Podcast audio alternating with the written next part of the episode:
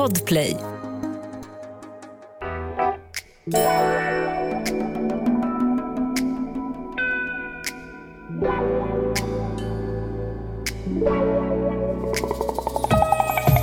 Vet du var jag hamnade? Nej, var hamnade du? Jag var ju på Pastis. Oh, och det är där, bra. där fick jag lite ostron och ett glas champagne till lunch.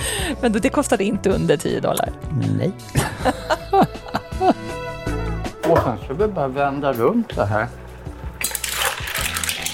Och vilka dofter Nu kommer det som dofter sprider sig i Erik Videgårds kök nu.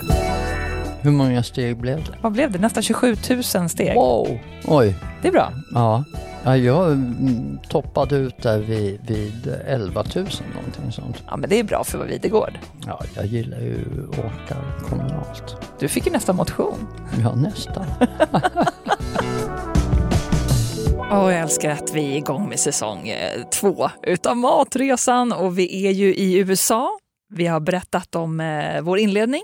Ja. Ja. Vi säger ju goodbye till New York med det här avsnittet, men bara för den här gången. Ja, men den fick ändå tre avsnitt. New Ja. York förtjänar det. Ja, minst. Vi kommer komma tillbaka till USA. Ja, Ja, för vilket land och vilken stad New York är. Det Mm. är så konstigt Erik. Man blir som en New Yorker när man har varit där typ ett halvdygn. ja. Varför är det så? Jag, det är få andra städer i världen jag känner så. för. man känner sig så hemma. Liksom Paris, nej, glöm det. Oj, oj, oj. Där är du invandrare i eh, 30 år. New York, där är äh, braka på bara. Här kör vi full fart. Nej, men man omfamnar ju eh, hela staden på något sätt. Mm. Eh, längst in i alla celler i Mm, kroppen. mm, Jag gillar det jätte- jättemycket. Du har ju också bott ganska länge i New York. Ni gjorde ett lägenhetsbyte. Ja, vi gjorde ett lägenhetsbyte och um, alltså bytte lägenheten i Stockholm mot en lägenhet i Brooklyn. Just. Fantastisk lägenhet. Eh, gammal industribyggnad, ombyggd. Ett äldre par som, som ägde den men som var, hade god smak. Eh, så det var jättehärligt, fin lägenhet eh, som vi bytte våran lägenhet i stan mot. Det finns ju flera sådana lägenhetsbytarsajter. Ja, ja, För det är ju en sak Erik, det är väldigt dyrt att bo på hotell eh, på Manhattan. Det är ju det. Så att det här var ju en fantastisk eh, lösning på ett lite längre boende. Det var nästan en månad. Eh, nu gick ju min käke sönder där sista veckan. Ja, det var ju inget bra. Nej, så att det tog, la väl lite sordin på stämningen men, men ehm, annars var det ju helt fantastiskt. Och då är man ju verkligen en New Yorker. Man är i sin egen lägenhet. Liksom. Men, men, men först bara med käken. Fick du uppsöka akutvård i USA? Nej, jag gjorde aldrig det. Jag åkte från Arlanda till Karolinska när jag kom hem. Så du flög hem med en trasig käke? Ja. Jag var där en vecka med en trasig Du käke. skojar? Gick, alltså, är det ens möjligt? Du har så mycket muskler och ligament och grejer så att den höll ihop men det gjorde ju ont när benbitarna skrapar mot varandra. Liksom. Såklart. Okej. Ja, så sista veckan eh, var lite i, i smärtdimman där. Men, men, den, om man, den gick i havregrynsgrötens Ah, tecken jag kan jag säga. Ja. men eh, ändå då, om, om jag ber dig då jämföra, vi pratar ju om att bli en New Yorker, när du då var där i en månad, Ja. kändes det ännu mer då? Var du liksom, Då var du fast Ja, resident? ja, ja. Nej, men det, du vet, man börjar heja på Dorman, man pratar med, med mm, eh, grannarna i trappan, börjar känna igen en. Meryl Streeps dotter bodde mm, granne. Nej. Jo. Och så var jag hej till henne och jag tror jag såg Meryl Streep till och med. Vänta, gång. tror eller såg du Meryl Streep? Ja, jag såg henne bakifrån. Är du helt säker på att det var hon? Nej, Nej! det är därför jag säger jag tror. Fast det blir en bättre story om det var Meryl Streeps Ja, eh, rygg du såg. Jag, jag har lovat mig själv att ehm, inte överdriva mina upplevelser.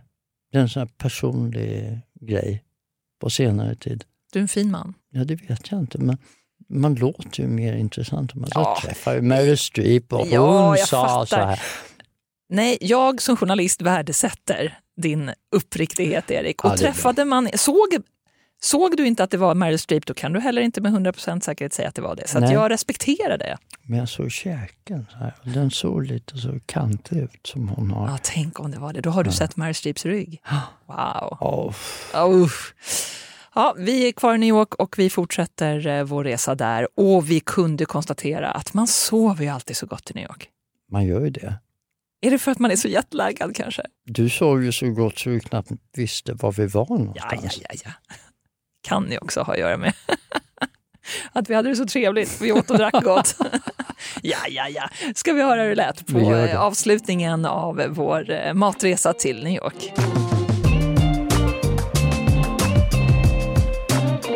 Alltså jag sover så gott här. Ja men eller hur, jag Ja. med. Det är jättekonstigt. Varför gör vi det? Ja, jag tror att det är hotellet här, ehm, The Ludlow Hotel.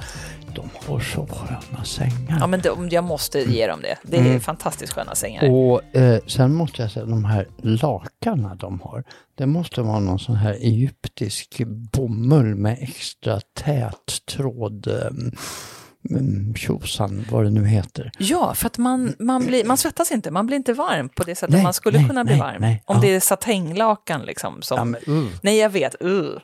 Det, det låter schysst, men det är inte och härligt. vattensäng. Nej, nej, Erik Videgård, när sov du i en vattensäng sist? Det har jag aldrig gjort. Nej, åh, det är hemskt. Är det det? Ja, Ja, ja. ja, du vet ju tydligen. ja, ja, ja, men kom igen. Vadå? Nej, men vadå, någon har väl sovit i, har, har du aldrig sovit i en vattensäng? Nej. Okej, ja, det måste jag ju nog erkänna att jag har gjort. Någon Mm. gång på 90-talet. Ja, ja. Ja, eller nej, Mm. 80-talet kanske. Mm. Men vi var uppe med tuppen i morse. Det var vi. Eh, jag vaknade väl vid halv sex första gången. Ja, jag Sen- med. Men sen gick vi åt frukost. Och du, eh, du hade ju rekat. Det är svårt med mig, alltså, eller hur? Ja. Jag menar, bröd funkar inte. Och en, en vanlig frukost någonstans med brunch och massa grädde i omeletten, det funkar inte heller. Nej. Så det är lite klurigt för mig helt enkelt. Jo, jag vet. Men då, då ehm, den här, jag letade upp en, ehm, en liten pärla här i närheten på Orchard Street som ligger precis bredvid min egentliga favorit som är Russ and Daughters. Men när, Erik, när du säger att du liksom eh, gör din research, hur gör du den? Vi- Vilka sajter läser du ifrån? Och eh, eh, Grub Street ehm, som är New York Times eh, matsida och även Eater um, brukar jag dubbelreferera till så att säga. Iter är bra. Ja, jag kollar aldrig de här turistsajterna. Hjälp Jaha, ja, och ja, ja, eh, ja. vet, Tripadvisor. Tripadvisor är nog världens sämsta sajt. Förlåt Ja, Tripadvisor. eh, restaurangerna försöker liksom typ nästan köpa sig likes där. Ja, men de Det finns gör ju ingen trovärdighet alls. inte ett dugg. Nej. Nej, utan jag brukar snarare göra tvärtom. Kolla vad som har höga eh, betyg på Tripadvisor. Gå inte dit. Okej, Ja. ja, jag förstår hur du tänker. Mm. Men då hade du gjort din research och så tog du med mig på en liten morgonpromenad. Ja, den lilla hålet i väggen med det kanske lite konstiga namnet Good Thanks Café. Jag älskar det. Det måste ju vara att om man spelar på eh, svaret på frågan, hur står det till? Ja, men good thanks. Café. Så det lilla hålet i väggen med det lite konstiga namnet visar ju sig vara ett perfekt frukostställe. Ja, alltså helt. vilka frukostsmörgåsar. Kanon var det. Och det fanns glutenfritt bröd och det var inga problem alls. Det, det, var- allt, var, allt var easy going. Ja, men alltså jag tog deras breakfast sandwich, det gjorde Ja. du också. Ja.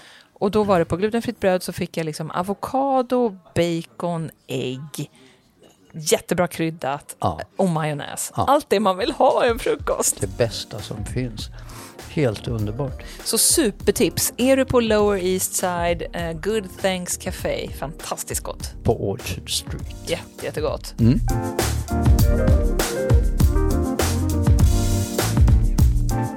Och sen åt vi oss vidare. Ja, vi gjorde ju det. Eh, vi tog oss vidare eh, som, som vi gärna gör så vill man ju se någon liten market eller någon mm, food eh, hall eller Ja, men du hade ju fått tips, sånt, berätta. va? Ja, jag hade fått ett tips och nu minns inte jag om det var, det visade sig ju sen att det var från Ulrika Bengtsson, vår en gamla kompis som vi har mm, faktiskt eh, haft med tidigare. Så vi åkte ut till Brooklyn och där ligger ju ett antal olika gamla industrifastigheter. Eh, bland annat eh, då den här som ligger lite ovanför, eller bortanför Red Hook, eh, som heter Industry City.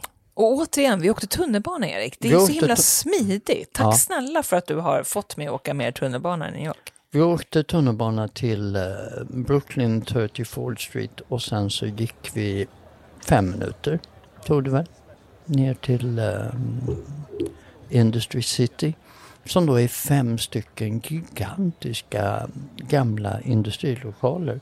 Stora lagerlokaler, Mm. både liksom eh, höga våningar och breda Ja.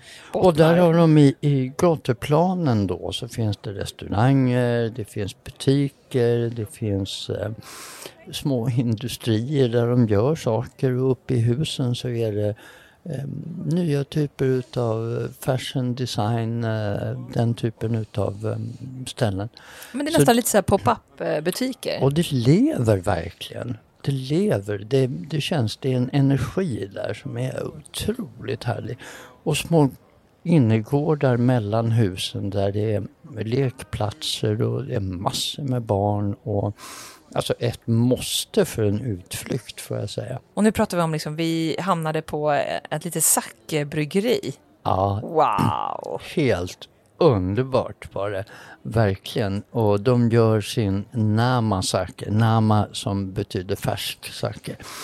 Eh, som man dricker kyld. Och jag testade den och den var toppen. Alltså. Brooklyn Kura, alltså K-U-R-A. Jajamän. Brooklyn Kura, det är ett supertips om ni är nyfikna på Zacke och eh, hamnar i Brooklyn.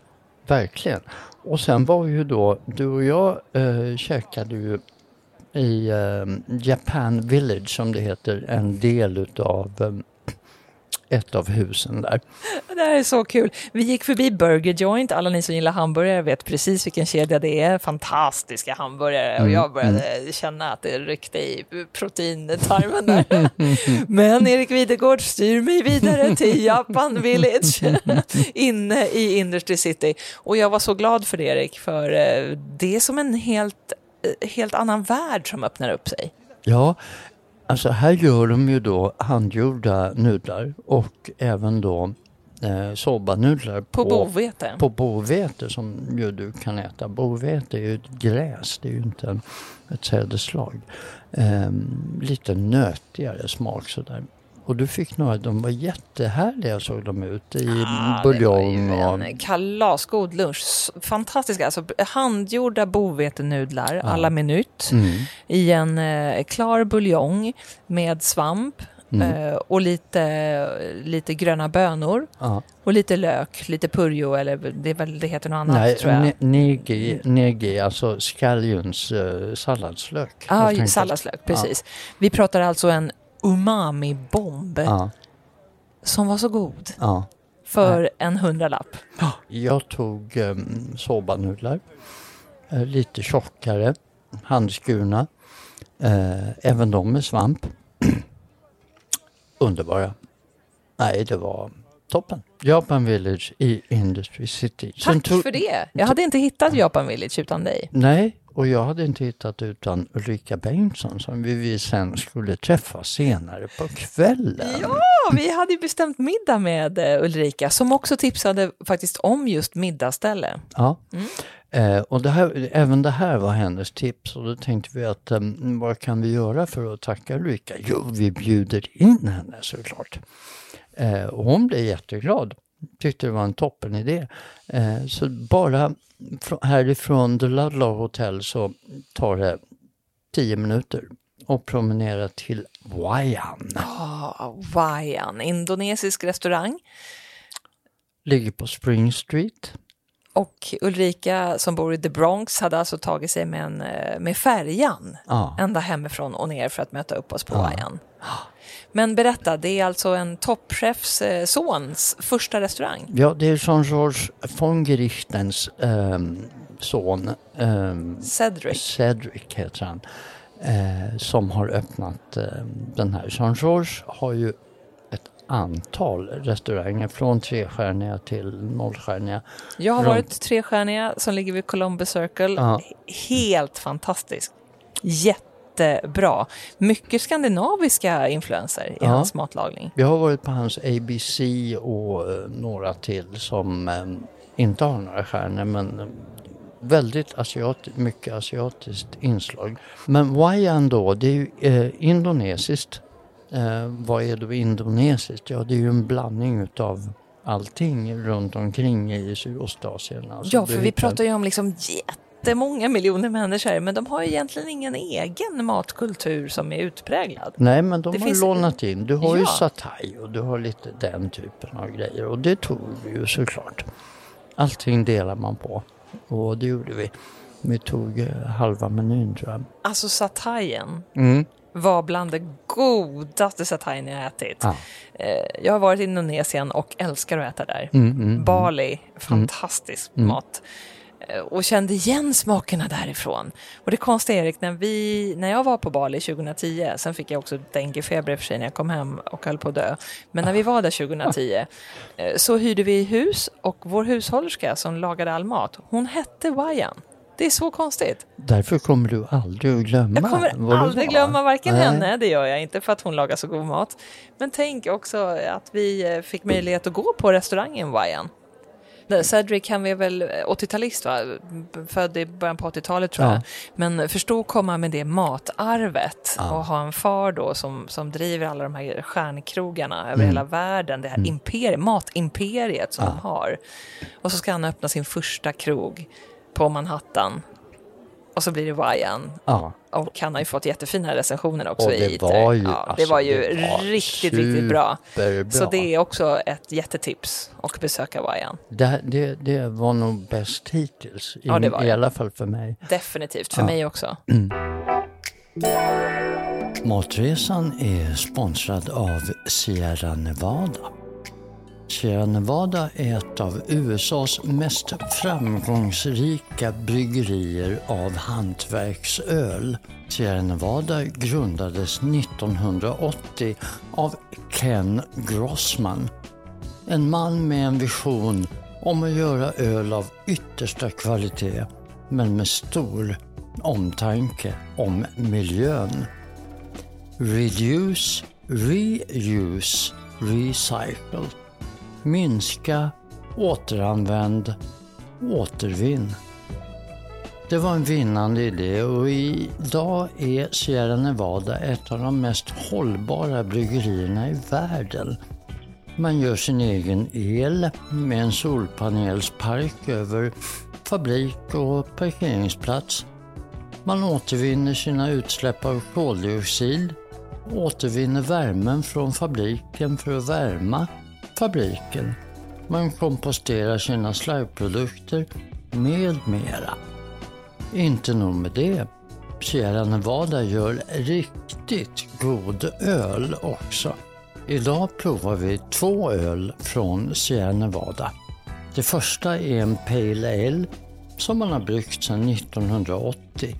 En riktig klassiker bryggd på Cascade-humle som ger en citrusaktig kryddig doft och en fruktig välhumlad smak.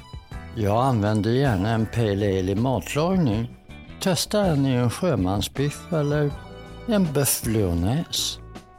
Sierra Nevada Pale Ale har artikelnummer 1525 och du hittar den i Systembolagets fasta sortiment.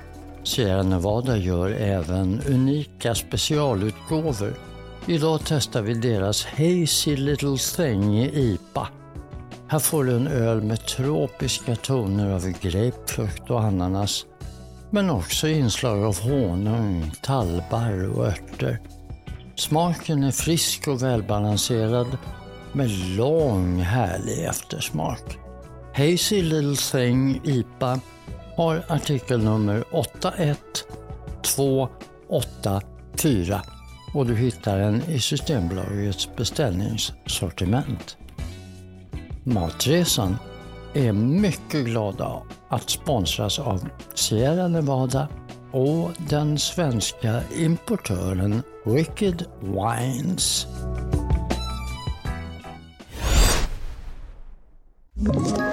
Ett poddtips från Podplay.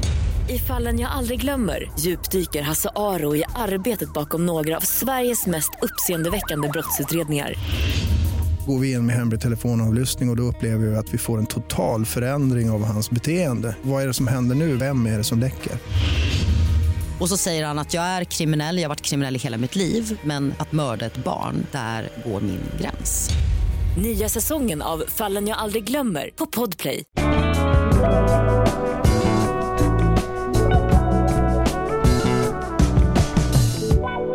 Ha, och vad ska vi göra imorgon då? Du, imorgon så är det lite hopp och lek på dagen tänkte jag. Oj, vänta Ja. lite nu. Ska jag få välja vad jag vill göra? Nu får, nu får du och Anders får, ni får dra iväg på ert och jag drar iväg Fria på mitt. aktiviteter. Fria aktiviteter. Det enda vi har bokat det är middag imorgon kväll. Och var ska vi äta den då? Den äter vi på Baltasar. Åh, älskar Baltasar. Ja, man gör ju det. Ja, vad spännande att se också om de har förändrats efter pandemin eller vad som Ja. har hänt där. Ja, men det, många tycker, ja men ska ni nu gå på Baltasar, hur tråkiga ni är. Men jag tycker inte det. Jag tycker inte det. Jag tycker att det är, det är liksom en liten trygg del utav världen, Baltasar på Spring Street. Eh, underbart. Åh, vad härligt. Mm. Längtar. Så imorgon så eh, går ni ut och leker och jag går ut och eh, äter. så mm, får vi samlas igen och se vad sjutton som händer. Det kommer vi göra. Ja, Jag ser fram emot det. ses vi då.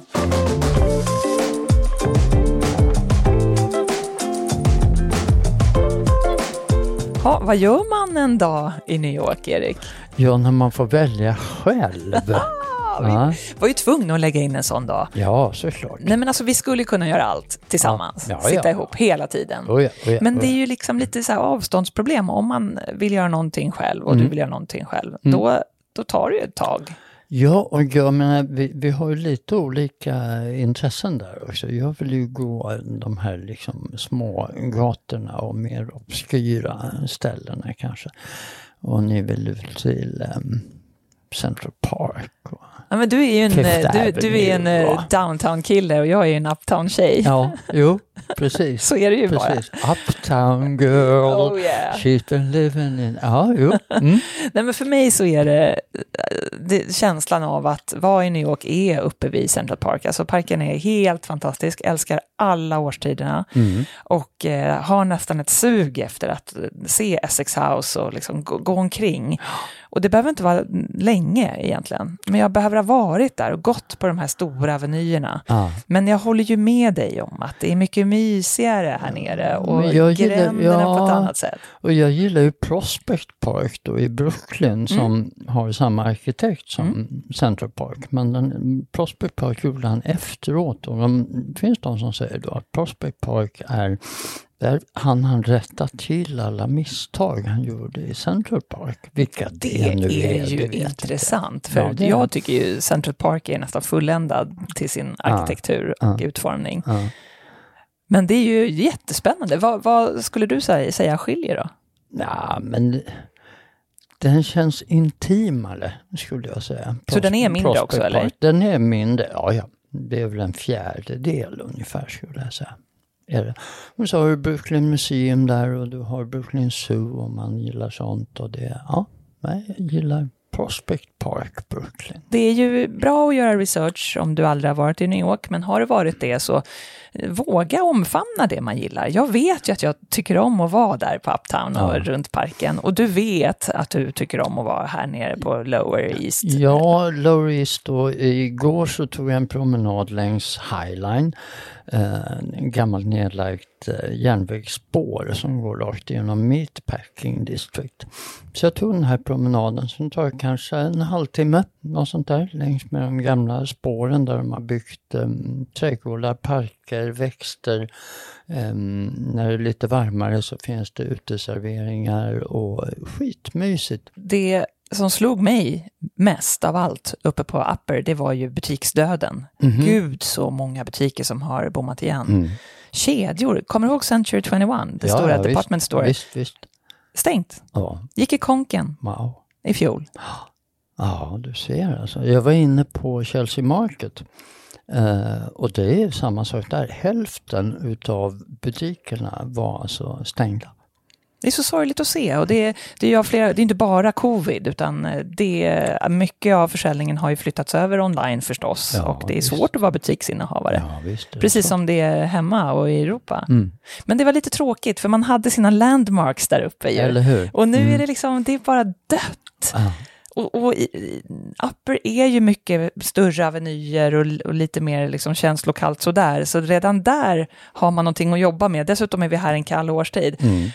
Och så blåste det. Vilket Oh, väderomslag! vad Vad hände Erik Videgård? Ja. Alltså, vad ska vi säga, vad var det? 16 graders skillnad. Ena dagen var det plus 14-15. Ja. Vaknar upp dagen efter, minus en, men med kyleffekten så var det nere på minus 7, minus Ja. 8. Och i morse var det minus sju. Ja, fast det kändes Utan- varmare idag. Ja, för att solen skiner. Det är ju fantastiskt väder. Nej, idag är det strålande sol och det blåser inte, så idag är nästan ännu härligare. Nej. Men så du förstår känslan, det blåste och det var kallt och butikerna är nedlagda och det blir inte riktigt samma känsla. Mm, verkligen inte.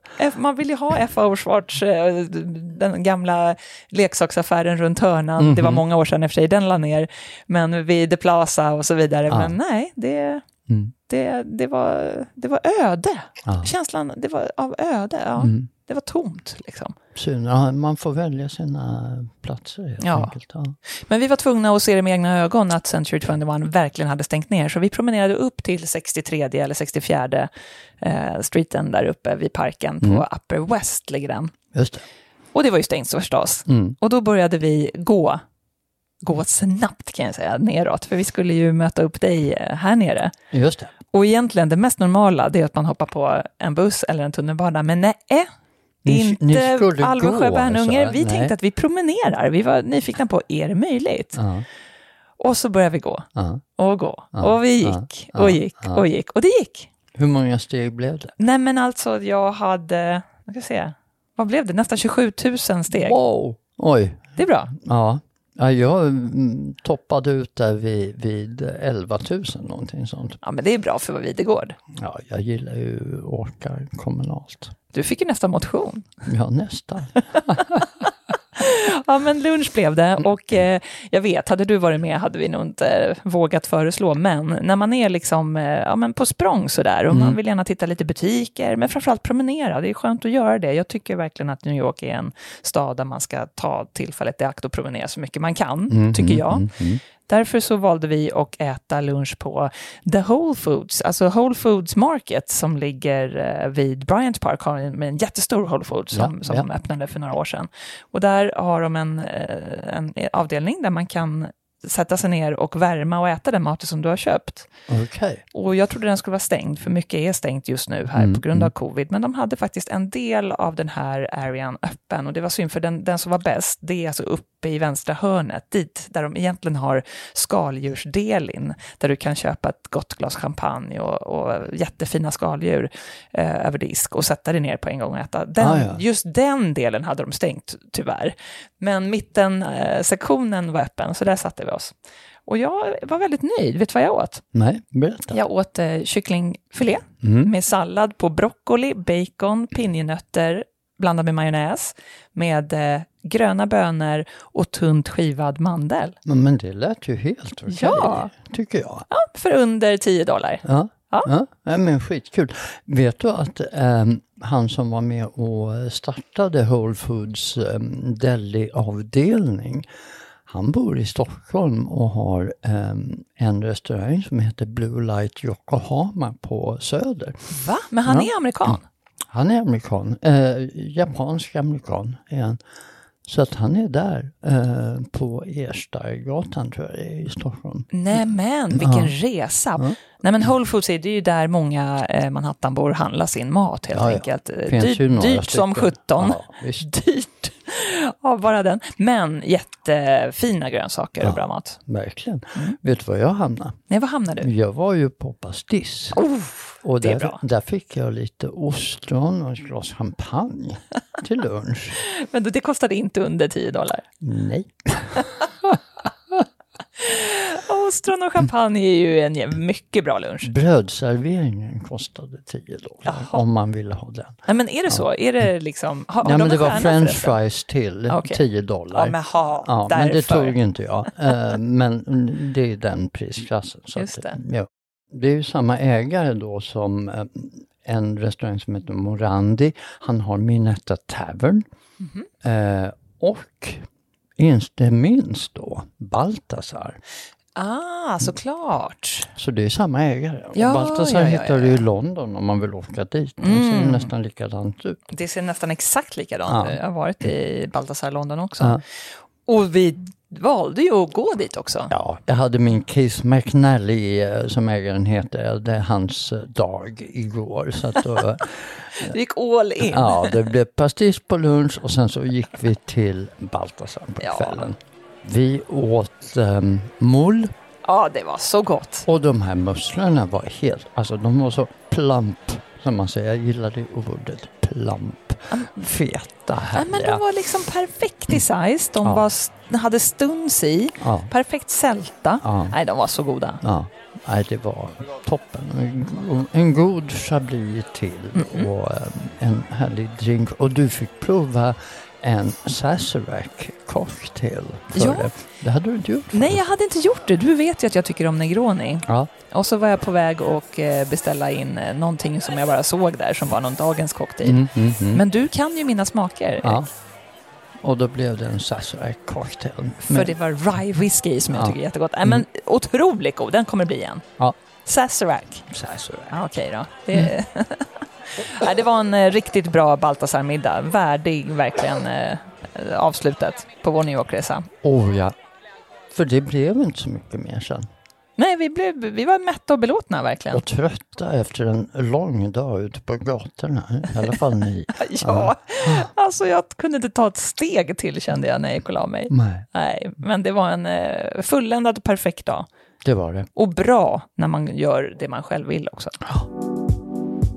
Matresan är sponsrade av Lavazza. Det är vi väldigt glada för. Du får det du betalar för. Jag antar att du har hört den frasen tidigare. Jag bytte märke på mina strumpor för inte så länge sedan. Av någon anledning fick jag hål vid tårna. Nej, det beror inte på att jag inte klipper naglarna, jag lovar. Hur som helst så bytte jag till ett märke som kostar lite mer, men de håller. Inga hål vid tårna längre och mina fötter mår toppen. Gäller det här även kaffe? Såklart det gör. Ett premiumkaffe som Lavazza må kosta någon krona extra, men både du, miljön och den som odlar kaffet tjänar på det i längden. Ett kaffeträd tar 3-4 år för att växa till sig och producerar bäst vid 7-8 års ålder. Av en kaffeplanta får man varje år ut 5-8 kilo kaffebär som till slut blir till 1-2 kilo kaffe. Som du förstår är det lätt för mindre nogräknade producenter att tänja på gränserna för att öka uttagen. Resultatet blir visserligen ett kaffe till ett billigare pris, men självklart tar smaken stryk i processen. För mig är Lavazza ett säkert val vad gäller smak, framställning och omsorg om både odlingar och odlare. Det finns för alla bryggare och i ett antal olika blandningar så att du lätt hittar din egen favorit. Så även om du inte behöver byta dina strumpor så tycker jag att du ska växla upp ditt kaffeval till premiumkaffe som Lavazza. Vi på Matresan njuter av att vara sponsrade av Lavazza. Erik? Ja. Jag är hungrig! Äntligen! Jag bjöd ju hem dig till mig igen. Jag älskar att vara här. Ja, men det, är- det är just för att den här maträtten jag vill göra idag, då vill jag kunna liksom illustrera och använda lite um, grejer. Och det har jag ju. Jag har ju allting här hemma. Ja, men du har ju det och du är ju kungen på att laga mat i poddstudion. Men jag förstår att det finns vissa begränsningar. Ja, just det här. Nu ska vi göra nämligen ölkokta musslor med bacon och äpple. Nej, Men sluta vad gott det låter. Jag har aldrig smakat, men det låter ju jättegott. Så jag håller på och har faktiskt kokat upp musslorna här. Jag ska visa dig. Ser du? Oj, för nu kommer Erik med en jättefin panna med hög kant och musslorna ser fantastiska upp. Och jag ser sidfläsk där, eller bacon. Ja, ja det är precis. Ja. Det är rökt sidfläsk som jag använt. Och så är det lite äpple ser du där också. Men Och vad sen trevligt. när musslorna har släppt sin underbara juice ner i em, grytan med, med bland annat äppeljuice. Och sen har jag använt en pale ale, alltså en, en ljusöl Ja. här. Men såklart, för inte bara så kan man ju såklart koka eh, musslor i vitt vin och det blir fantastiskt gott, utan det finns ju andra drycker som öl. Varför Ja, har jag inte tänkt på det? Visst, det, och det är ju rätt vanligt egentligen också att man gör i typ Alsace, Tyskland så då använder man musslor med öl. Inte i Alvesjös eh, kitchen, men, men snart så. Och nu har jag, jag har kokat musslorna, sen har jag tagit upp dem. Jag reducerar musseljuicen med, med äppeljuice och med öl. Som får liksom koka ner lite med kokosgrädde har jag använt. Hur länge då? Hur länge ska det stå och reduceras? Okej, det räcker Ungefär. alltså? Ja. Och sen nu går jag tillbaka med musslorna i det här. Där. Och sen ska vi bara vända runt det här. Och vilka dofter Nu kommer det som dofter sprider sig i Erik Videgårds kök nu. Sen tar jag i lite persilja för att det är gott. Och så blir det färg. Där. Och sen är det klart. Men, så, Så ganska att lättlagat. Den här rätten tar väl från att du börjar sortera dina musslor till att du kan börja äta dem. Ja, det tar en halvtimme. Inte mer. Totalt. Mm. Wow! Sen lägger jag upp här en härlig portion till dig. Åh, vilka färgerna också med persiljan. Jättefint. Ja, och lite rosa från baconet. Och, Underbart. Vi har pratat om musslor förut, Erik. Men eh, säg bara dina bästa. Hur tänker du när du köper musslor? Vad ska jag titta efter? Ehm, titta på att de, om du köper svenska musslor, vilket man gärna gör, kolla så att de är MSC-märkta. Alltså att de ehm, är odlade på under schyssta förhållanden. Titta på musslorna att de är stängda Viktigt. och att de ligger kallt. Och har du en öppen mussla då kan du knacka lätt på skalet och ska den stänga sig. Men det här är när du kommer hem, för man ser ju inte i påse i affären att alla... jo nätet ser du. Jag ska klämma på påsen och titta, försöka se så många musslor säg som möjligt. dem bakom disken där att de vänder på påsen och Mm. eller på nätet och visar det för dig. Mm. Och ser du då en öppen mussla då kan du, kan du knacka på den där. Sluter den så då Mm. Så är det okej. Annars ta en annan påse. Man får räkna med att några musslor kan ha krossskador, några har är öppna men det ska röra sig om tre, fyra stycken per nät Mm. ungefär. Inte mer än så. Nu har jag blivit serverad en eh, ganska stor portion här med bacon och ölmusslor. Wow! Ja, du måste ju ha något att dricka till också. Ja, vad får jag dricka till? Gör du en smakbrygga nu med öl, eller? Ja, här har jag faktiskt en Session Edition IPA. Ja, men Vad säger du? åh! Mm, Erik, Ja, det här var ju eh, obeskrivligt nästan. Nu ska jag försöka ge mig på Ja, att beskriva gör det, för det har det. ju liksom en... Åh, jag älskar öltonerna i det här. Det Mm. finns ju ett, ett, eh, ett djup i den här smaken som man inte får i Montmarnén. För där är det ju på en annan ett, en, en, en annan grad så att säga. Också jättegott, ganska hög syra. Men det här var ju mustigare och liksom mycket eh, varmare. Det var ju som en stor kram som bara mm. kom här så får du lite mat Alvesjö. Men det här är super för du har baconen ger ju sin fyllighet till. Um, äpple, äpple tillsammans med skaldjur är så mm. jäkla gott. Äpple tillsammans med bacon är så jäkla gott. Mm. Och ölen ger en fyllighet. Ja, det här älskade jag. Bra. Nu får du en IPA mm. till den här. Ja. Um, en IPA från Kalifornien faktiskt. Den här är lite spännande. Jag ska också prova lite av den här. Ja, funkar ju perfekt till. Mm. En session-IPA mm. till våra öl och baconmusslor. Mm. Så gott. Vilken härlig både vardagsrätt och bjudrätt som helst. Det här är perfekt.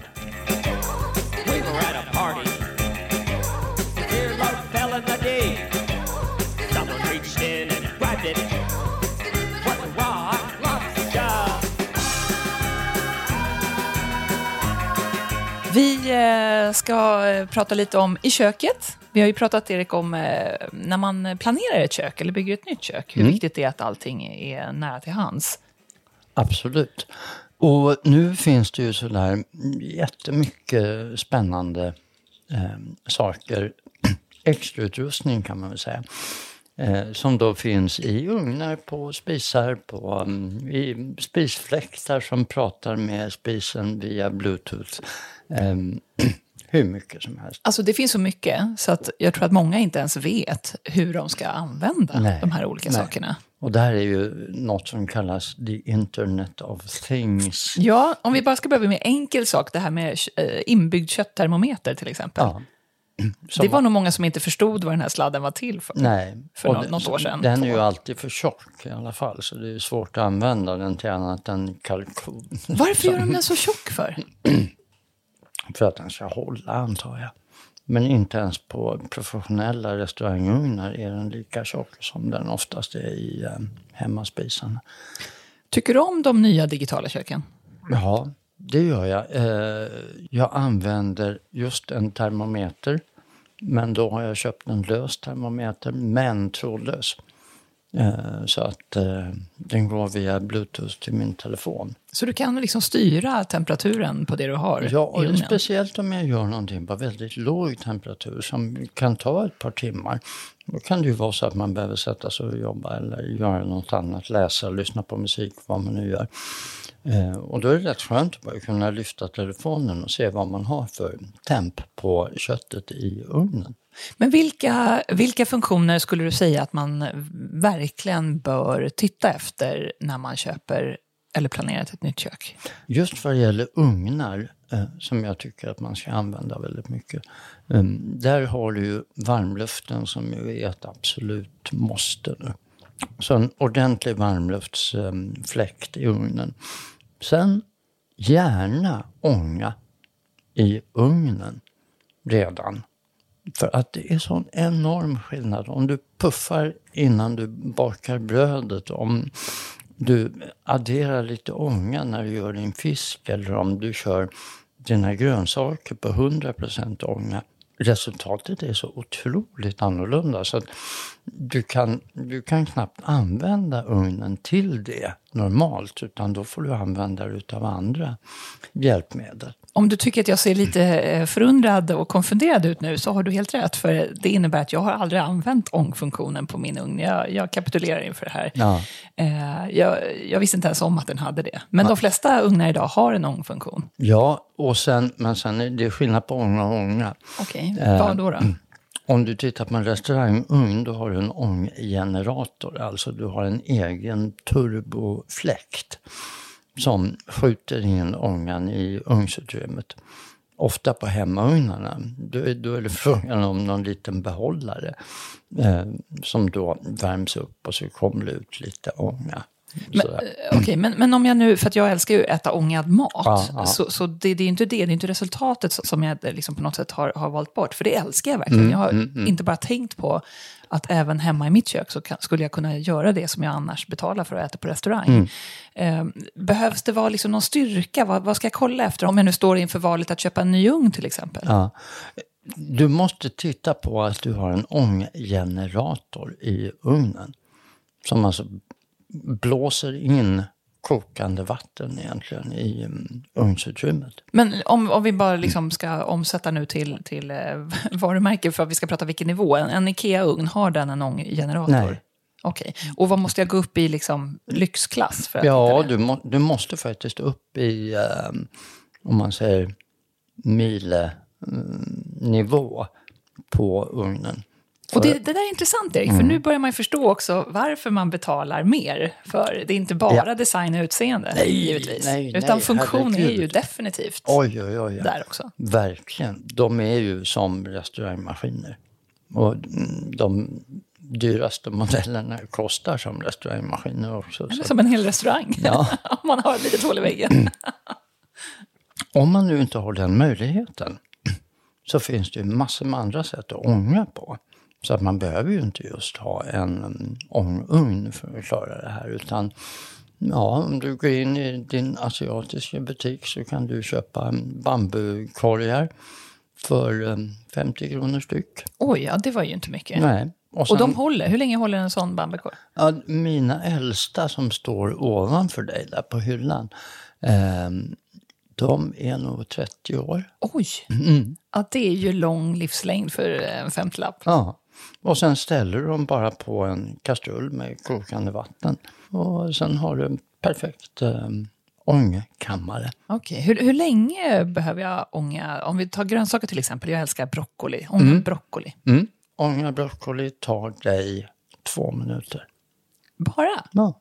Jag känner bara generellt att det är ju nyttigt att ånga saker, eller hur? Ja. Näringsämnena och vitaminerna stannar kvar Ja. i råvaran. Varför ångar vi inte mer? Vad, vad tror du är svaret på den frågan? Nej, men jag tror att det, det är för att man inte vet hur man gör. Man, mm, alltså har man väl lärt sig det här så är det som att koka eller steka eller vad det nu är man gör med, med maten. Men ånga är ju väldigt em, bra och snällt sätt mot råvaran och tillaga den. I Asien så ångar man ju väldigt mycket. Mm. De måste ju bara skaka på huvudet eh, om de såg hur mycket vi kokar bort egentligen. Ja, verkligen. Speciellt då i Kina när man tänker verkligen på mm, vad maten ger rent medicinskt också. Så lever de längre också. Det gör de. Det gör de. Mm. Ja, jag ska börja ånga mer. Det är bra. Matresan är väldigt glada över att vara sponsrade av The Wine Agency. Vi börjar dagen med en aperitif. Ett av världens och Sveriges mest kända mousserande viner heter Rotari. Rotari kommer från området Trento vid foten av Dolomiterna i Italien. Visste du att Rotari även gör en årgångsbetecknad Blanc de Blanc på 100% Chardonnay? 2014 Rotari Blanc de Blanc Extra Brut tillverkas enligt metoden Classico där druvorna får jäsa i rostfria tankar för att sedan fyllas på flaska och få sin andra jäsning och därigenom sina bubblor. Vinet lagras sedan med jästfällningen i 48 månader innan fällningen skjuts ut och vinet är färdigt för försäljning. Det här är ett vin med en elegant mineralig doft där du även hittar brödighet, citrus, äpplen och nötter.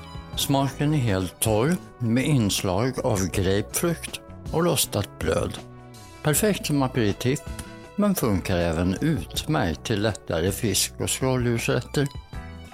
2014 Rotari Blanc de Blanc Extra Brut har artikelnummer 77152 och du hittar den i Systembolagets beställningssortiment. Vårt andra vin kommer från firma François Lurton.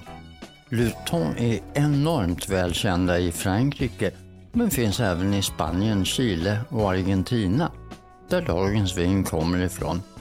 2017 Grand Lurton är ett vitt vin tillverkat av druvorna Tokaj Friulano med inslag av Viognier och Sauvignon Blanc. Det här är ett kraftfullt vin med ekfatslagring. Du känner det i doften med smörighet och nötter. Helt torr smak med frisk syra och toner av citrus och örter. 2017 Grand Luton har artikelnummer 55383 och du hittar den via The Wine Agency som privat import. Ett stort tack från Matresan till The Wine Agency.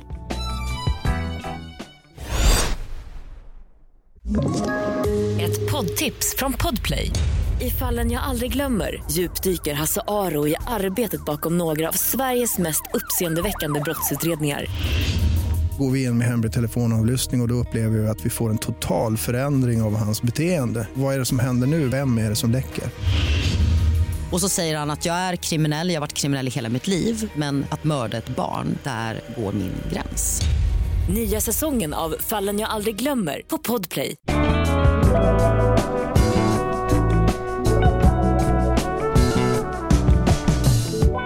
Erik, det har blivit dags att eh, summera vår New York-resa. Ja, och eh, samtidigt som vi summerar den så introducerar vi ju samtidigt det vi kallar för våran topp topplista. Ja, för det är ju så att det är kul med poäng och det är inte bara roligt att sätta eh, poäng och bedöma när man har varit på en restaurang utan vi tänker också att det är en service till er som lyssnar. Mm. För att ni ska kunna eh, förstå var ungefär på, på en lista vi placerar vissa restauranger som vi har besökt. Ja, så det här kommer vi att fortsätta med och vi har utökat våra mm, kriterier kan man väl säga. Ja, men berätta, du är ju lite boss över det här Erik. Ja, eh, vi bedömer alltså bemötande, det sätt som personalen tar hand om dig när du kommer in på restaurangen. Första intryck. Första viktigt. intrycket är ju så otroligt viktigt. Verkligen. Och sen kommer vi till service och service är då den allmänna servicen runt bordet. Eh, hur den sköts. Drycker. Och eh, där tittar vi ju inte bara på tjockleken på vinlistan eller mängden utav eh, öl eller andra eh, drycker utan vi tittar även på hur pass väl det är valt, prissättning och så vidare. Miljö. Är det trevligt där vi sitter? Är det um, fräscht? Är det um, rent? Lyser alla lampor? Eh, har du en bashögtalare i ryggen som sparkar dig i, på ändkotan hela tiden? Um, allting sånt inbegriper vi miljö. Ja, är det mysigt? Är det inbjudande? Ja. Hur, hur känns det när du kommer in i matsalen? Stämmer det med det, den matidé och den idé som man har valt överhuvudtaget? Um, renlighet och ordning. Viktigt. Mm. Och där kommer vi in, där har vi ju toaletterna med där. Ehm, är det dammigt bakom soffan? Ehm, hur, hur känns det liksom? Eh, överhuvudtaget känns det som rent och fräscht. Mm. Där kan man förvånas ibland Verkligen. över hur det slarvas. Ja. Ja. Oh, ja. Sen kommer vi till ett helhetsintryck. Och helhetsintrycket är ju allt det här tillsammans. Det bildar en helhet. Det är väl det här som man kan säga att det sitter i väggarna. Håller du med? Ja, men jag förstår precis vad du menar. Och också kanske om man skulle få eh, frågan, men om du ger det betyget 1 till 5, alltså väldigt förenklat, Ja. då är det nog det jag skulle svara på, det här Ja. helhetsintrycket. För där ska jag alltså väga in allt det här, Ja. renlighet och ordning och mat och dryck och, och första intryck och allting. Mm. Men det är därför också som vi har delat upp det i olika kategorier, så att Precis. man ska kunna se eh, respektive kategori och också att slutsumman blir rättvis. Ja, Både i, i bedömning men också mot restaurangen. ja precis. Sista kriteriet är ju maten då, naturligtvis. Kanske det viktigaste. Mm. Och eh, där, sen har vi viktat de här mot varandra också så att de, vissa saker är, får högre poäng än annat. Ni behöver inte oroa er. Erik Videgård har satt ihop en gedigen eh, lista på områden som är viktiga att ta med när man ska bedöma ett eh, ställe man har varit på. Absolut. Och sen gör vi bedömningen så här att Jenny sätter sina poäng, jag sätter mina poäng utan att vi liksom kollar med varandra. Sen väger vi ihop de här poängen och får en slutsumma. Där som max är? 45. Vill man nu titta på de olika eh, kategorierna eh, och de olika restaurangerna så kommer vi att publicera det här på hemsidan. Och där hittar du naturligtvis även restaurangerna på topplistan med adresser och mm, kanske någon liten extra information. Sådär. Alltså vi älskar ju listor.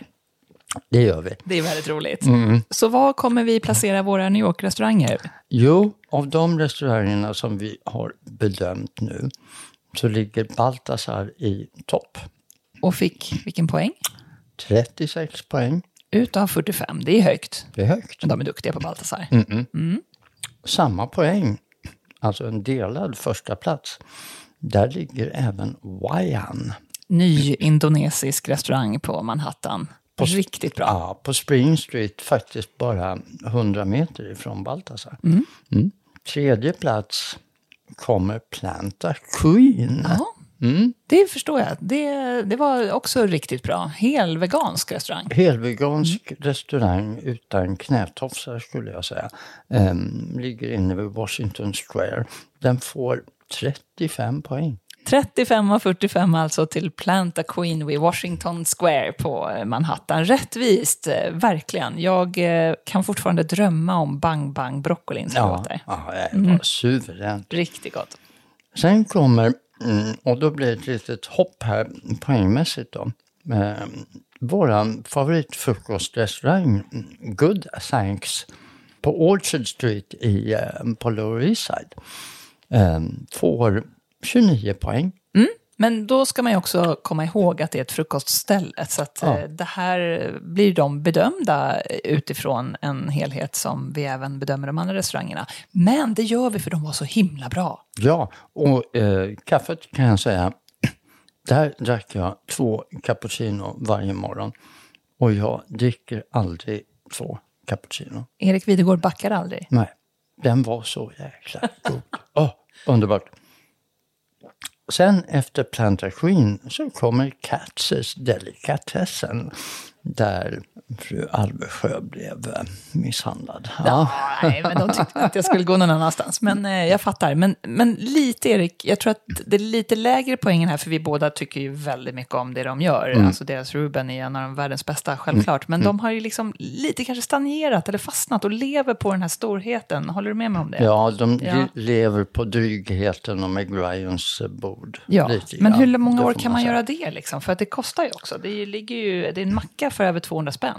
Ja, samtidigt är kön 200 meter Mm. vid eh, lunchtid och kvällstid. Så svaret blir omsättningsmässigt hur länge som helst. Ja, precis så. Men kanske inte kvalitetsmässigt. Nej. Nåväl. På sista plats av de som vi testade kommer Momofuku Sambar med 21 poäng. 21 av 45. Lite att kämpa med där, David Chang. Och det är ju för att den var trött. Ja, Väldigt trött. går rykte Erik om att han ska sälja Sambar? Ja, det förstår jag. Ja, om han inte redan har gjort det. Precis. Vi får se. Lycka till säger vi.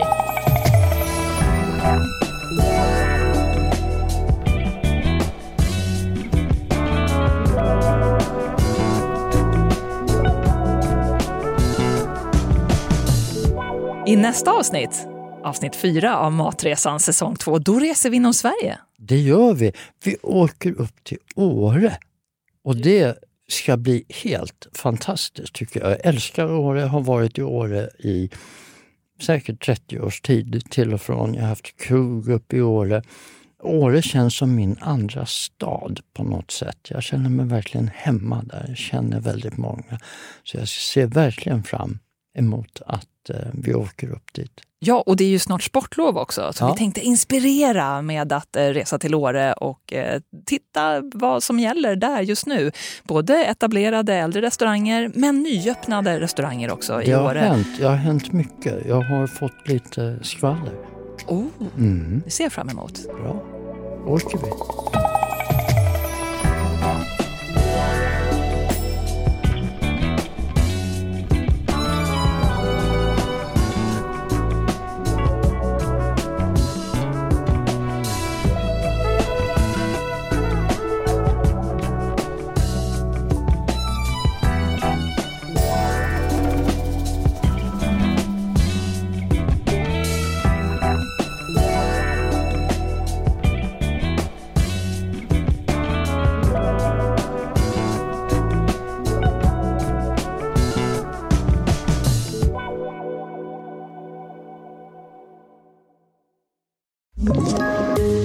Poddtips från Podplay.